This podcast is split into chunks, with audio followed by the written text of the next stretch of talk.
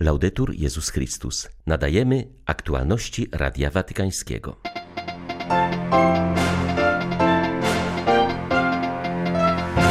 Papież Franciszek wyraził solidarność z osobami poszkodowanymi w pożarze w Nowej Białej, do którego doszło w miniony weekend. Podkreślił, że jednoczy się z nimi w modlitwie. W Mali uprowadzono katolickiego kapłana i czworo wiernych. Wiele wskazuje na to, że znajdują się w rękach islamskich fundamentalistów. Kościół robi wszystko, co w jego mocy, by zachęcić wiernych do pozostania na Bliskim Wschodzie. Odpływ chrześcijan jest jednak prawdziwą plagą Ziemi Świętej. 23 czerwca wita Państwa Beata Zajączkowska. Zapraszam na serwis informacyjny. Pozdrawiając pielgrzymów, którzy przybyli na audiencję, która odbyła się na dziedzińcu świętego Damazego, papież zapewnił o szczególnej modlitwie za ofiary ogromnego pożaru w Nowej Białej. Serdecznie pozdrawiam wszystkich Polaków. Drodzy bracia i siostry, jednoczę się w modlitwie z tymi, którzy w minioną sobotę w Nowej Białej zostali doświadczeni przez wielki pożar. Dzięki Bogu nie było ofiar śmiertelnych. Prośmy o łaskę pocieszenia, umocnienia i ludzkiej solidarności dla tych, którzy stracili domy i gospodarstwa. Wszystkim Wam tu obecnym i Waszym najbliższym życzę spokojnego lata, przeżywanego w obecności Boga w Duchu Świętym. Z serca Wam błogosławię. Na audiencji środowej papież Franciszek rozpoczął nowy cykl kateches w oparciu o tematy, które święty Paweł podejmuje w liście do Galatów. Oprócz odniesień biograficznych pozwalających poznać jego drogę nawrócenia i oddania na służbę Jezusowi, apostoł porusza również tematy bardzo ważne dla wiary, takie jak wolność, łaska i chrześcijański sposób życia, które pozostają bardzo aktualne, ponieważ dotykają wielu aspektów życia dzisiejszego Kościoła. Fra voi c'è una famiglia che mi ha salutato jest tutaj między wami pewna rodzina, która mnie pozdrowiła i powiedzieli, że muszą nauczyć się łotewskiego i jeszcze jakiegoś innego języka, bo pojadą na misję do tych krajów.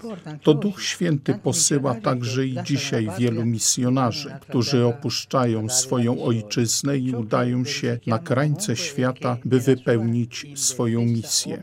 Wiadomo jednak, że w swojej gigantycznej pracy ewangelizacyjnej apostoł Udało się założyć kilka małych wspólnot, które są zaczynem dzisiejszej kultury chrześcijańskiej. Zaczynał od małych wspólnot, a te małe wspólnoty się rozwijały. Tę metodę stosuje się również dzisiaj. Otrzymałem list od misjonarza z Papui Nowej Gwinei, który głosi Ewangelię w dżungli wśród ludzi, którzy nawet nie wiedzą, kim jest Jezus Chrystus. Także dzisiaj jest to metoda pierwszej ewangelizacji. Franciszek wskazał, że święty Paweł pisze w swym liście także o niebezpieczeństwach dla wiary. W pewnym momencie członkowie wspólnoty znaleźli się bowiem w sytuacji kryzysowej, w niepewności, czy mają słuchać i postępować zgodnie z tym, co głosi im apostoł, czy iść za głosem nowych kaznodziejów, którzy oskarżyli go, że nie jest prawdziwym apostołem. Non mancano nemmeno oggi predicatori Także dzisiaj nie brakuje kaznodziejów, którzy zwłaszcza dzięki nowym środkom przekazu prezentują się nie po to, by głosić Ewangelię o Bogu, który miłuje człowieka w Jezusie ukrzyżowanym i zmartwychwstałym, ale po to, by jako prawdziwi strażnicy prawdy nalegać kategorycznie, jaki miałby być najlepszy sposób bycia chrześcijaninem. Z całą mocą twierdzą, że prawdziwym chrześcijaństwem jest to, do którego są przywiązani, często utożsamiane z pewnymi formami z przeszłości, a rozwiązaniem dzisiejszych kryzysów miałoby być cofnięcie się w czasie, aby nie zatracić autentyczności wiary. Wiary. W jaki sposób możemy rozpoznać tych ludzi? Jedną z cech ich postępowania jest surowość. Droga wskazana przez apostoła jest drogą głoszenia, które realizuje się poprzez pokorę i braterstwo. Jest drogą cichej i posłusznej ufności, będąc pewnymi, że Duch Święty działa w każdej epoce Kościoła.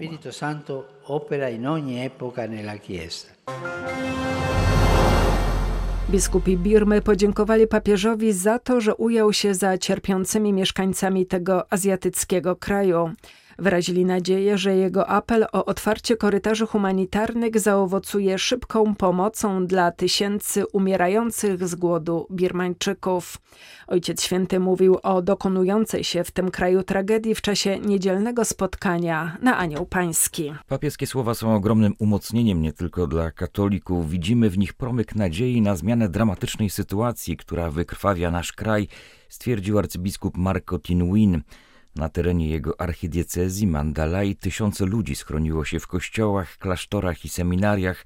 Są to głównie kobiety z dziećmi, osoby starsze i chore.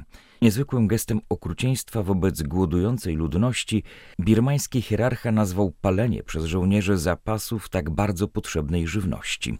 Podkreślił, że przemoc wciąż przybiera na sile, a junta wojskowa, która przejęła władzę, nie reaguje na żadne apele o rozpoczęcie dialogu narodowego. W tym trudnym dziejowym momencie przewodniczący birmańskiego episkopatu wezwał wszystkich ludzi dobrej woli do wytrwałej modlitwy za ten kraj. Zarówno wojsko rządowe, jak i opozycjonistów zachęcił do szukania innej drogi niż ta, która wierzy jedynie w moc broni. Kardynał Charles Bo przypomniał zarazem, że mimo wielu apeli kościoły, szpitale i szkoły, które powinny być neutralnymi miejscami schronienia i pomocy, nadal są ostrzeliwane. Pomoc, którą przekazujemy do kościołów wschodnich, to kropla w morzu potrzeb, powiedział kardynał Leonardo Sandri na rozpoczęcie dorocznego spotkania ROACO, organizmu, który koordynuje kościelną pomoc dla katolików obrządków wschodnich. Kardynał Sandri zauważył, że choć w ubiegłym roku sfinansowano niemal 300 projektów na łączną sumę ponad 9 milionów euro, to potrzeby są o wiele większe. Z ubogich krajów napływają dramatyczne apele o nadzwyczajną pomoc na wydatki związane z pandemią. Jak podkreśla Michael La Civita z Katolickiego Stowarzyszenia Pomocy dla Bliskiego Wschodu, pandemia okazała się dla kościołów wschodnich ogromnym wyzwaniem. Choć na skutek pandemii świat się zatrzymał, Kościół żył nadal, nie zawiesił swojej działalności, nadal żyje Ewangelią, a to oznacza, że musi odpowiadać na potrzeby ubogich. My mamy swoją siedzibę w Nowym Jorku, gdzie w związku z pandemią gromadzenie funduszy na pomoc dla chrześcijan wschodnich okazało się bardzo trudne. Zamknięte zostały kościoły, nieczynnych było wiele instytucji. Musieliśmy szukać nowych dróg kontaktu, by uświadamiać ludziom, co dzieje się na świecie, budzić w nich świadomość i zachęcać do składania darów. W przełamaniu tej izolacji pomagał internet. Posługiwaliśmy się w tym również wiadomościami Radia Watykańskiego. Wasze materiały okazały się w tym okresie bardzo ważne dla naszych darczyńców. Pomagały im utrzymać kontakt z Kościołem na całym świecie, z potrzebującymi. Oni widzieli, jak Kościół odpowiada na te trudne sytuacje i sami reagowali, włączali się w dzieło pomocy. Dzięki temu, pomimo pandemii i kryzysu, byliśmy bardziej skuteczni niż wiele innych instytucji dobroczynnych. Udało się nam zgromadzić więcej środków niż przed rokiem, co jest wyjątkowo dobrym wynikiem, jeśli weźmie się pod uwagę, że wiele amerykańskich parafii i diecezji straciło na skutek pandemii od 20 do 40% dochodów. Nieznani sprawcy uprowadzili w Mali katolickiego księdza i czterech wiernych, którzy wraz z nim podróżowali. Do zdarzenia doszło w poniedziałek, kiedy jechali na pogrzeb zaprzyjaźnionego kapłana. Porwanie potwierdziły zarówno źródła kościelne, jak i miejscowa policja.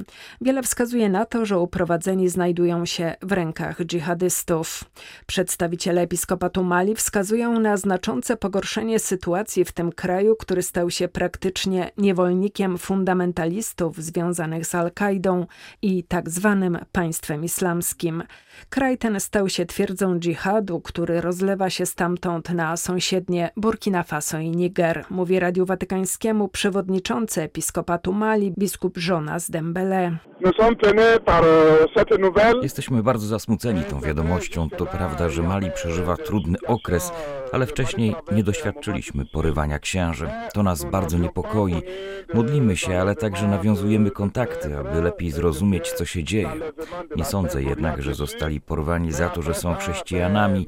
Pomimo rosnącej niepewności, nasz maleńki kościół katolicki w Mali był dotąd w stanie kontynuować swoją działalność. Nie mieliśmy większych problemów. Nie było żadnych działań wymierzonych bezpośrednio w kościół i mamy nadzieję, że sytuacja się nie zmieni, ponieważ dużo pracujemy w ramach dialogu międzyreligijnego w diecezjach, aby umocnić dialog i wspólnie ze wszystkimi dążyć do pokoju. Poniedziałkowe porwanie jest bolesną ilustracją dramatycznej sytuacji, która panuje w tym afrykańskim kraju. W lutym minęły cztery lata od uprowadzenia w Mali kolumbijskiej misjonarki, która wciąż jest w rękach dżihadystów.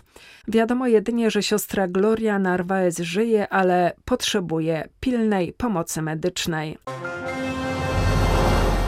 Istnieją pozytywne oznaki umacniania jedności narodowej, ale obok nich pojawiają się inne, które zagrażają spójności kraju. Twierdzą biskupi Demokratycznej Republiki Konga w przesłaniu opublikowanym na zakończenie sesji plenarnej episkopatu. Biskupi pozytywnie oceniają niektóre kroki nowego prezydenta. Wskazują na złagodzenie klimatu politycznego i większą swobodę wypowiedzi w mediach, uwolnienie więźniów politycznych i powrót do kraju uchodźców. Te gesty wzmacniają jedność i spójność narodową Konga, przyznają biskupi. Zaznaczają jednak, że przyszłość kraju jest nadal zagrożona przez takie postawy jak nepotyzm, trybalizm, regionalizm, klientelizm, wykluczanie przeciwników politycznych. Biskupi wskazują też na ogromną przepaść między większością obywateli walczących o godne życie, a mniejszością, która nagromadziła ogromne bogactwa. Większość Kongijczyków nadal boryka się ze skrajnym ubóstwem, podczas gdy garstka obywateli skandalicznie się bogaci. Niektórzy zastanawiają się, piszą biskupi, czy nie jest to wynikiem korupcji i sprzeniewierzania środków publicznych dla osobistych korzyści. Kościół robi wszystko, co w jego mocy, aby zachęcić wiernych do pozostania na Bliskim Wschodzie. Odpływ chrześcijan jest prawdziwą plagą Ziemi Świętej, wyznaje w rozmowie z Radiem Watykańskim proboszcz jedynej katolickiej parafii w strefie gazy. Na dwa miliony mieszkańców chrześcijan jest tam zaledwie tysiąc, z czego katolicy to jedynie 134 osoby, pozostali to muzułmanie.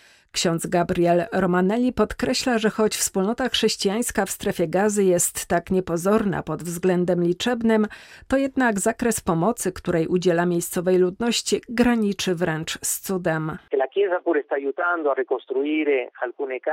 Kościół pomaga również w odbudowie domów po ostatniej wojnie. Prowadzi projekt, którego celem jest zatrudnianie młodych ludzi, aby tylko nie myśleli o wyjeździe. Kościół potrzebuje bowiem tutaj chrześcijan. Inaczej Kościół w Ziemi Świętej stanie się muzeum, świętymi kamieniami, uświęconymi obecnością Boga, Najświętszej Matki Pana, ale nie będzie w nim wiernych. Odpływ chrześcijan z Bliskiego Wschodu, a w szczególności z tego kraju, nadal pozostaje problemem i plagą Ziemi Świętej. Będzie to szkoda dla całego Kościoła. Tutejsi chrześcijanie to nie aniołowie. Są tacy sami jak my wszyscy. Jesteśmy dziećmi Adama i Ewy, mówią o sobie. Jesteśmy ludźmi, istotami słabymi. Potrzebujemy wsparcia również materialnego. To wsparcie materialne jest dla tych chrześcijan bardzo ważne, aby nie myśleli o emigracji. Były to aktualności Radia Watykańskiego. Laudetur Jezus Chrystus.